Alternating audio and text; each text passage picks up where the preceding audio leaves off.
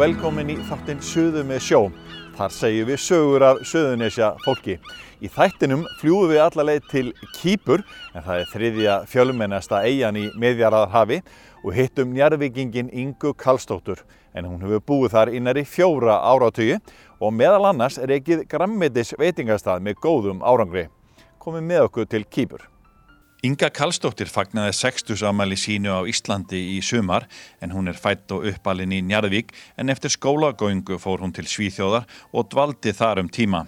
Hún og finsk vinkona hennar fóru svo til Kýpur í vetrarfrí og síðasta daginn í því fríi hitti hún dökkarðan Kýpurbúa á diskoteki sem henni leist mjög vel á en fannst mjög líkur leikaranum Jerry Lewis.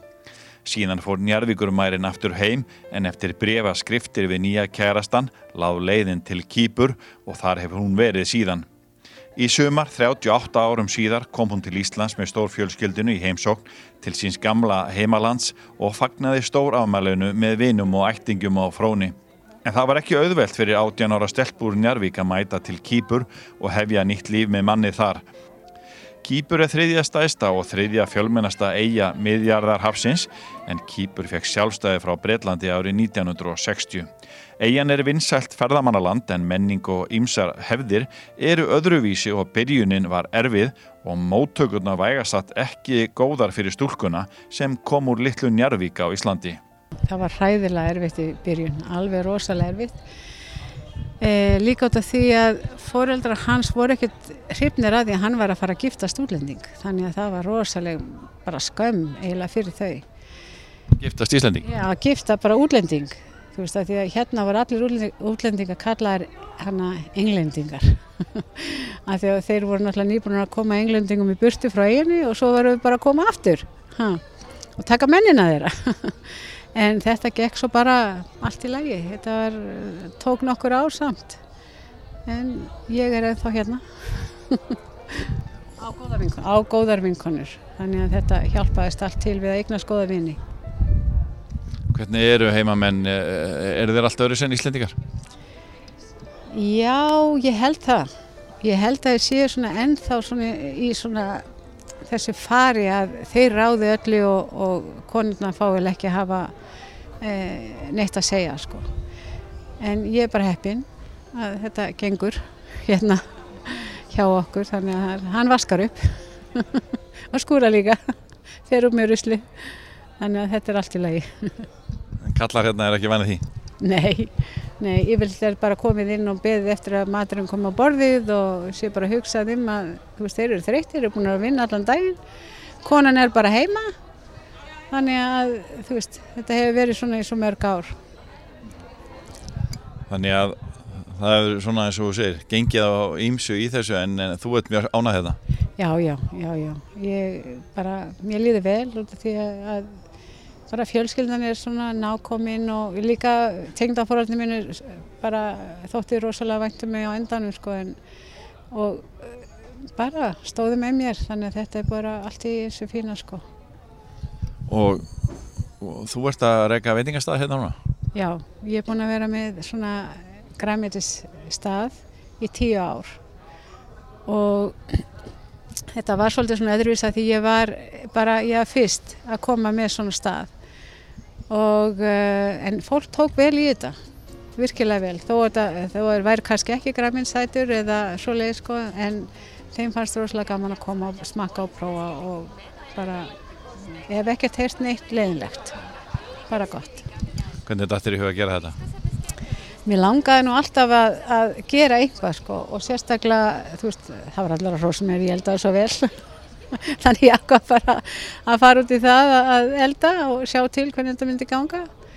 Og mér langaði alltaf að gera svona græmitstað þó svo ég sé ekki 100% græmitstæta þá finnst mér rosalega gott að fá mig græmitsmat og bara skellti mér út í ég sá hennar stað, var, hann var auglistur í blæðin og bara sótti um og fekk staðinn sem var alveg frábært Þetta er nefnilega, þetta tilheyri sem sagt hana bænum og þetta á að vera svona meira svona eh, hefðbundin kýversku staður. En ég vildi breyta þessu og þeim leys svo vel að það að koma ykkur inn, inn með nýjar hugmyndir heldur en bara að vera með eins og að var. þannig að þeir tóku vel á móti mér. Sérstu, leigir húsnaðið af, af bæjarfélaginu? Já, af bæjarfélaginu og þetta var svona gamalt kaffihús. Það var þarna kona áður en ég kom, hún bara eila dó á staðinu sko, hún var þarna dag og nótt. Eh, og svo þegar þetta var sett í auglist í bleðunum, þá sótti ég bara um og spurði, og spurði bara hvort ég mætti ekki breyta þessu sko, því að ég hefði svo margar hugmyndir og skrifaði þetta náttúrulega allt niður. Og þeim leist bara vel á. Og svo var náttúrulega basla að koma breytinguna át af því að það var hérna sagt, eh, hvað heitir þessir hérna tourism hvað heitir það? Já, ferða, fer, já, samtökin Þau, þeir voru servir, þeir vildi ekki gefa mér leiði til þess að vera með græmiti en svo þegar, náttúrulega þegar þú veist, ég fekk svo mikla hjálp frá bænum líka sko, þannig að þetta gegst í gegn sem betur fer En hvaðan kom þessi hugmynd hjá þér að fara út í, í græmiti? Fannst þér vanta hérna? Fannst þér vera tækifæri? Já, mér fannst, mér fannst það vanta af því það er svo mikið að græmiti hérna og þetta var rosalega mikil hefð hjá kjöpurum að borða græmitismat eða sérstaklega þá bönir, mikið af bönum og svo leiðis en það var ég alveg dottið út úr. Og mér fannst að yrða að koma samt einhvað nýtt, ekki að vera bara með þetta hefðbunna böna rétti sem voru með í tómasósu og e, bara ég verði að segja eins og er að fyrsta bóki sem ég átti var hérna Hákausbókin Græk kostur og ég bara byrjaði á því að elda úr henni. Ha, og það bara rosalega, gekk svo rosalega vel. Og svo náttúrulega verður, þú veist, öll breytin sem þú gerir verður náttúrulega þínar uppskriftur á endanum. Af því að þú getur ekki notað allar, allar hrá, öll hráefni sem er verið að nota í, til dæmis í Íslandi. Þú verður eiginlega að breyta til og nota það hráefni sem til er hér. Þannig að þetta var bara maður ísinn, ísinn, ja, bara svona víkan það var æðislega vinsall Og er, er náttúrulega auðvöld að fá hráöfni í e, mikið græmyndi hérna? Já, það er rosalega mikið græmyndi hérna. Ekki svo dýrt en samt svona þegar þú ert að búa til græmyndisrétt það er það rosalega mikið græmyndi. Þannig að þetta kemur eiginlega bara upp á móti því sem ert að borga fyrir kjötmeti og annað. Sko. Varst ekki á öðrum stað til að byrja með það? Nei, þú búin að vera alltaf á sama stað? Búin að vera þessum stað. Búin að vera þessum stað í tíu ár og bara líði vel, ég fór náttúrulega að leita annar staðar og það var svo mikið læti og rosalega mikið af fólki að ég bara læknaðist. Ég vildi bara vera þarna svona. þetta er svo kósi bara bara þessi staður. Virkilega gaman að þessu. Ertu sjálfa að öll, ertu með fólk með þér? Já, ég, dæti mín er með mér núna þannig að eh, það hjálpar alveg rosalega mikið. En svo er ég líka með eina hjálp sem við eldamennskuna Þannig að við eldum saman og bögum og svo leiðs og svo eru stelpunar við að, brosa til eh, kunnana og bera framhatinn og þetta, vera indælar. Þannig að er þetta sagt, íslenskir græmiðisir réttir? Já, ég myndi með svona íslenskir græmiðisir réttir með svona tvist. já. Þannig að það fer vel onni í kýpurbúana? Já, já, þeir hafa tekið mjög vel á móti mér. Virkilega vel á móti mér. Þetta er búið bara mjög heppið með fólk sem kemur hérna. Bara allir rosalega indælir. Bara gott fólk. Og eru opið alla daga?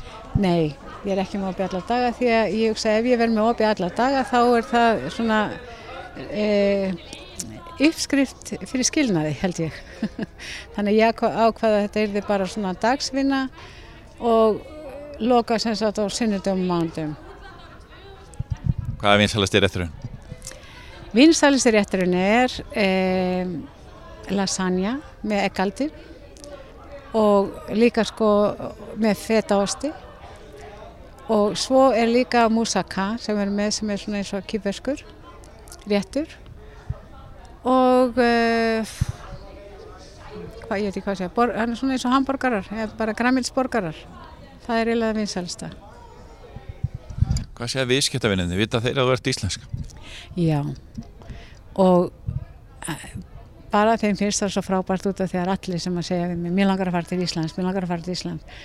Og hérna, hva, hvert er best að fara og hvað á ég að gera? Og svo fer maður svo bara alveg í kleinu að því maður alveg, hei, eh, ég verði að fara að googla og, bara vita hvað, hvað er að skeið, sko, til þess að geta sagt fólkinni hvað að gera. Og ég er alltaf með ísle, svona íslenska bók, alltaf, kíkt í bókina, skoðaði bara og svo fer ég bara þú veist. Þannig að það eru rosalega margir sem vilja fara til Íslands. Þegar þú horfður tilbaka 37 ár á Kýpur eh, er eitthvað sem að þú hefði vilja þegar þú horfið á þennan tíma er eitthvað sem þú hefði vilja, vilja gera öðru sig Já, þetta er svolítið erfið spurning sko. Ég sko, hefði spur, spurt mig kannski fyrir svona 15 ára, það gæti verið að ég hefði sagt já, hef aldrei komið ykkar. En hérna bara út af því að þú veist maður hættir að sjá þetta neikvæða og byrja bara að halda þessu jákvæða og heldur í allt þetta jákvæða sem er frá Íslandi sem að mér finnst hérna, sérstaklega í okkar fjölskyldu hérna síður frá. Ég held nefnilega að það sé hérna, bara meiri einlægni og þú veist, þú heldur meiri um fjölskylduna held ég. Alveg eins og vilja að gera hér. En uh, ég held mikið upp á það góða sem maður hefur frá Íslandi. Þú veist, gott fólk á Íslandi. Hvernig myndur þú segja að væri ja, svona vennilegu kýpveri, er hann, uh, lifir hann uh, allt öðru sér lífi heldur en vennilegi íslendingur? Já, sko hérna er ennþá í, til dæmis í sambandi við heimamynd og svo leiðist, þannig að það er ennþá hér að þú ert eiginlega að lifa bara fyrir barnina og hjálpa þeim að byggja hús og, og kaupa bíl eða ef þeim vantar sko. Þannig að það er kannski að, veist, aðeins öðruvísi. Ég veit náttúrulega Íslandingar hjálpa börnunum sínum rosalega mikið en þetta er bara svona eiginlega, hérna er eiginlega það, ef það fer að heima þá fer það bara í hús sem er tilbúið, skiljur. Þannig að þetta er kannski ennþá svona svolítið öðruvísi. Inga segir að laun séu miklu lægri á kýpur en á Íslandi og þá unga fólkið menti sig, þá eigi það oft erfitt með að fá vinnu. E, fólk er að fá, þú veist, mánaða laun kannski frá 500 eurum upp í kannski 1000, ekki meira og, og kannski þarf þetta að leia, leia kannski íbúðið eitthvað þá þarf þetta að komi helmingina því veist, 400 eur kannski þess að leia þannig að það er ekkert auðvelt þannig ég held að, að þú veist, það er erfitt fyrir því ákveða að byrja sagt, að byggja fjölskyldi Kemur þið mikið til Íslands? Ekki oft, það er kannski svona þryggja fjagur ára fresti. Það er líka munurinn er hér sko, kaupin er lág hérna e, og þetta er erfið sko um leið og ég segi að ég ætla að fara til Íslands þá vilja allir koma með. Þannig að það er alveg hei, ok, allir láglaunaðir, þannig að ég er náttúrulega að tala um krakkana og þannig að maður verður eiginlega að hjálpa til þannig, þannig að maður sapna bara í nokkur ár og þá geta allir komið. Hvað finnst þið skemmtilegast við að koma til Íslands núna? bara róliheitin þú veist, mér finnst það alveg indælt. Bara að, þú veist, það er enginn að stressa sig. Mér finnst það alveg æðislegt, æðislegt að geta bara komið inn til einhvers hitta frengum mína og þurfu ekki að vera að gera mikil bóða undan mér. Þú veist eh, kannski tíum kvöldið sér ægi en gaman, hvernig er að fara þangað? Og fara bara kannski í kaffið, það finnst mér æðislegt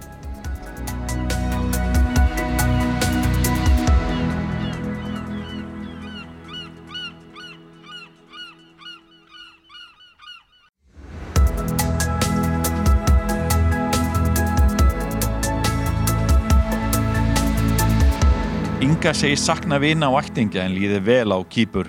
Þó sé alltaf gaman að koma til Íslands og í sumar vildi hún koma með stórfjölskylduna með sér til að halda upp á 60 ára amali sitt. Við hittum hana við gamla æskuheimili hennar við Tunguveg í Njarvík síðila sumars. Já, Inga, hvað kemur upp í hugan þegar þú ert komin hérna á, á já, þitt æskuheimili sem ungur Njarvíkingur? Bara skemmtilegar minningar og um, ég verð bara að segja það, ekkert, ekkert leiðilegt, ekkert leiðilegt. Var gaman að vera krakki í Njarvík á þessum tíma? Já, mjög gaman. Það er mjög gaman, maður var svo mikill villingur að, að flestir voru villinga með manni, þannig að þetta var allt í svona skemmtilegu bara. Þegar þú miðaðar uh, við síðan uh, æsku barnaðina sem að eru alveg upp á Kýpur, þar sem þú hefur búið í öll þessi ár, 37 ár, er þetta mikill munur á þín, þínum aska árum og þeirra? Já. Mikill menningamunur sko, eða, eða bara? Það er kannski meiri, sko, ég náttúrulega lifiði þetta fjölskyldulíf hérna, þannig að þú veist, man, manni fannst haldið vel utan fjölskylduna, þannig að maður tók það líka með sér út, þannig að það breyttist ekkert að vera svona fjölskyldu, að halda í fjölskylduna. en kannski meira svona, þú veist, þeirra síðir, þú veist, sem að kannski mér líkaði ekki við, ég kem mann ekkert eftir eh, neinu sérstökur núna, en ég hugsa alltaf tilbaka, hvernig var þetta eiginlega hérna hjá okkur, sko, og valdi bara það sem mér fannst gott og, og fínt og held því við mína fjölskyldu. Þar úti var meira svona, þú veist, að krakkarnir fengu að öskra svo mikið og gera svo mikið og láta öllum millin látum og það var bara talið sko skemmtilegt en ég myndi alltaf eftir því þú veist, síðu, þú veist að maður var síðaði til.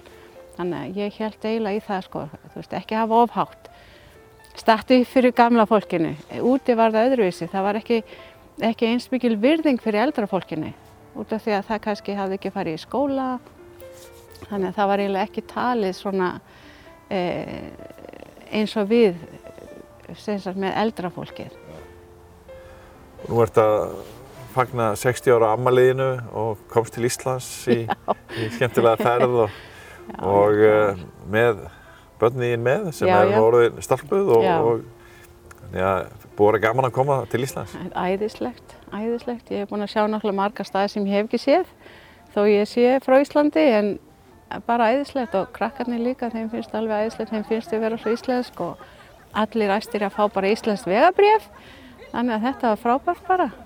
Já, mér fannst ég að heyra á annari dóttuðin að hún vildi bara flytja til Íslands. Já, já, já, já, þetta er svona, en hún er náttúrulega í sambúð þannig að já. það gengur ekki allt eins og maður vil. Ég var nú búin að segja manninu minna að hann ætti að hugsa mjög vel um það hvernig hann tali við mig sko og haldi svona þú veist, eh, ef maður vil að ég verði hérna eftir sjötugt á kýpur minni. ég hef nefnilega heyrt að þegar fólk er orðið gamalt, þá vil að fara heim.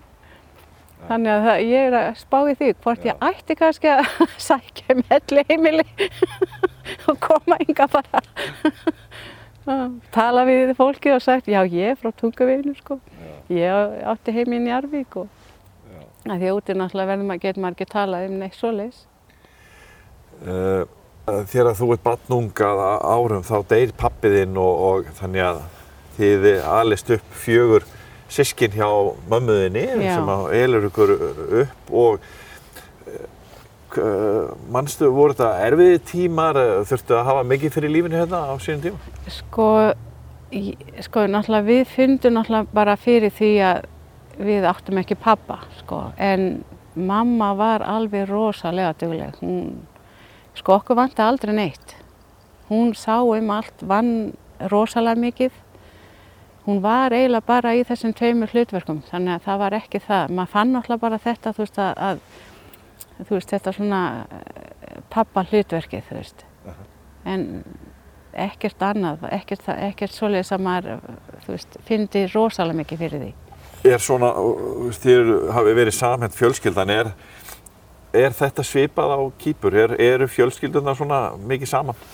Já, Já. það eru svo mikið. Það er ekkert ósvipað? Nei, þetta er einhvað svona eiga. Já, eiga fólk. Eiga fólk. Þetta passar einhvern veginn þannig, þannig að mér leist vola mikið á það. En það sem er gert meira úti kannski það, það er að að skipta sér af. Þú veist, þá er að segja, herðu þetta, þessi lampi, hann passar nú eiginlega ekki hér. Og svo er bara fært. Skilu, það er ekki spurt um hvað, þú veist, er þið sama eða má ég prófa? Nei, nei. Svo bara maður segir, já, ég er nú, allt í lagi, fínt, svo bara þegar það er farið þá bara setjum maður það sem maður vil. Já, aftur. Já, já, þetta er svona. Mm. En þú eignaði sko að vini og vinkonum sérstaklega þegar þú varst stelpa hérna. Já, og var... hefur haldið góðu sambandi þó að þú sért búin að vera úti í 37 ár. Já, sko ég myndi segja að það er þeim að þakka þær bara voru svo duglegar að, að hafa samband við mig því þegar maður er svona langt í burti og er einn veist, þá er þetta svona veist, erfiðara því að maður veit ekki alveg og ekki á tímum internets þegar það var auðvitað að hafa samband Nei, nei, einmitt þannig að það er bara þær eru búin að vera alveg æðisleiri að halda svona sambandi við mig sem að þetta, ég þakka þeim fyrir það Serðu þið sem eldri konu koma hér og, og opna græmyndisstað á Íslandi. Nú er vegan voða vinsalt á Íslandi. Ef ég fengi bara að sitja og skipa til. Já, á. Gerðu það. Ég hefast um að ég hafi orðið að opna eitt en eitt annað sko. en náttúrulega stelpunar að tala um það, það var æðislegt að við gætum gert þetta en, en ég efast um það sko. Kannski á öllu heimilinu. En þið ætla að halda áfram með staðinu og úti? Já, já, já við ætlum að svona gefa þessu smá sénsi viðbót allavega nátt því að þetta er svo, að þetta er bara græmitistæður. Þá er þetta svo erfitt að halda uppi bara græmitistæður og hérna því að það er svo mikið að kjötætum og svoleiðs úti. En við erum samt með gott nafn þannig að þetta er fínt.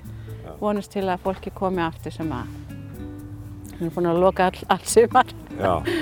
Já. Þannig að þeir eru uh, íbúar á kýpur eru ekki beint vanir í að vera hugsa bara um græmiti? Nei, sko það er alltaf eh, svona kannski svipa á Íslendingar, þú veist.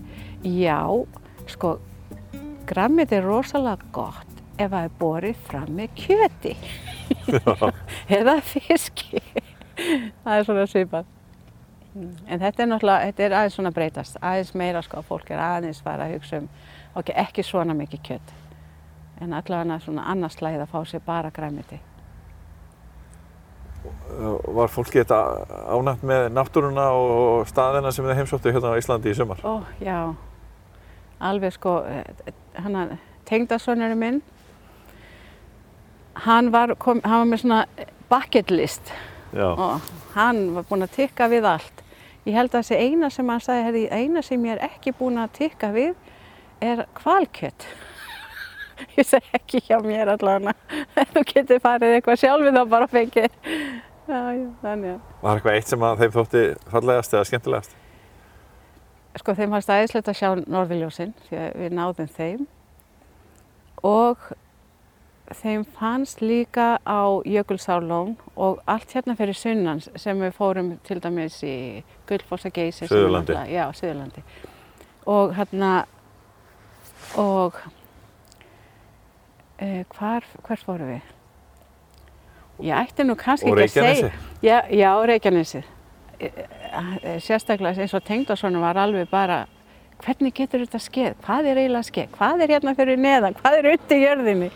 það var ég sagði googlaði bara því ég sé ekki að segja hann hérna vittleysi og hérna og svo eitt staður hérna sem var svona rétt hjá Seljalandafoss ég ætla ekki að segja nafni að því að það er svona meiri hátta staður sem að allir urðu dólfarnir á. Það var æðislega staður. Ég ætla ekki að segja það svona opminbert að túristunum gæti heyrst um það og þá er það bara búið.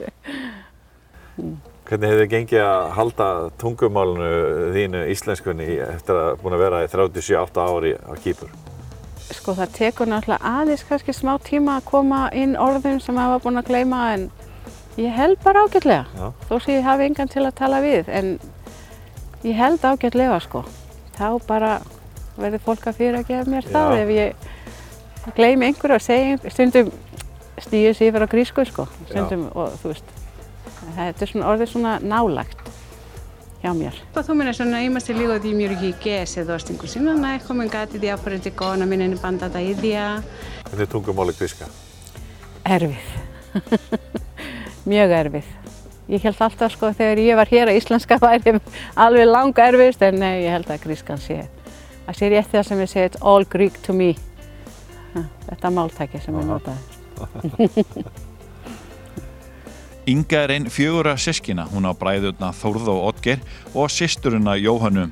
Otger bróður hennar býr í húsi sem afi þeirra og amma byggu í og við kíknum til hans og spurðum hvort að Inga hafi gefið þæg og dögleg stelpa.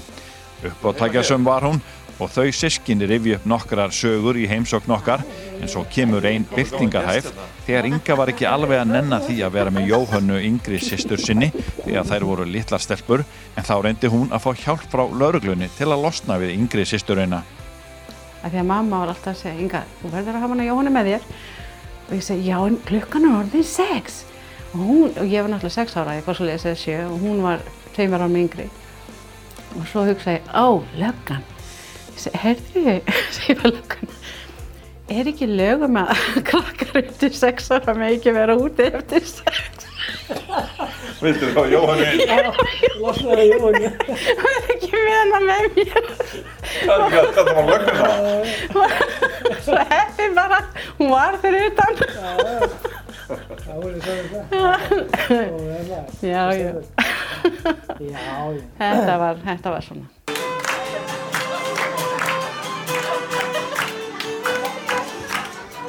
Þegar við heimsóttum Ingo og fjölskyldu í oktober 2018 til Kýpur var yngri sonur hennar að ganga í hjónaband. Um 50 ættingjar og vinir frá Íslandi mættu á eiguna í miðjarðarhafi og samfagnuðu Ingo og fjölskyldu. Það eru sérstakar hefðir þegar fólk giftir sig á Kýpur og haldin er mjög stór veistla með tilherrandi siðum og fjöri. Þetta er hefð sem er e, fleiri hundra ára, alveg búin að vera hérna í rosalega lengi allavega.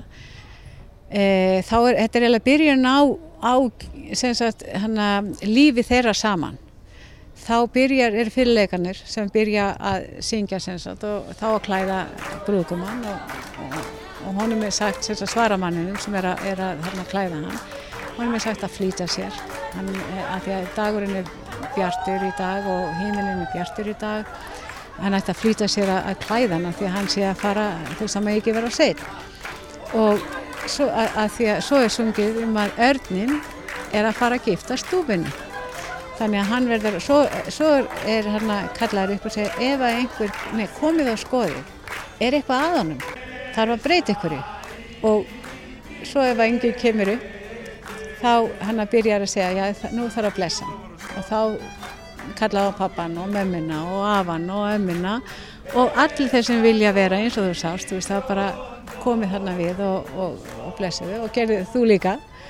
Og þetta á að vera bara svona hefða að allir að blessa þau í, sem að, þú veist það sem eftir ver, þeirra, af þeirra lífi. Þannig að þetta er bara skemmtilegt. Þú ætlar að vera gömul hérna? Já, ég, ég bara veit ekki. Ég hef nú búin að segja að manni minn, ég sagði að þú verður að fara mjög vel fyrir mig, með mig sko. Út af því ég er búin að heyra það að þegar hana konur sem að búa í útlandum er orðnar svona um áttrætt, þá vilja það fara heim. Þannig að hann er búin að lofa því, hann er að fara vel með mig.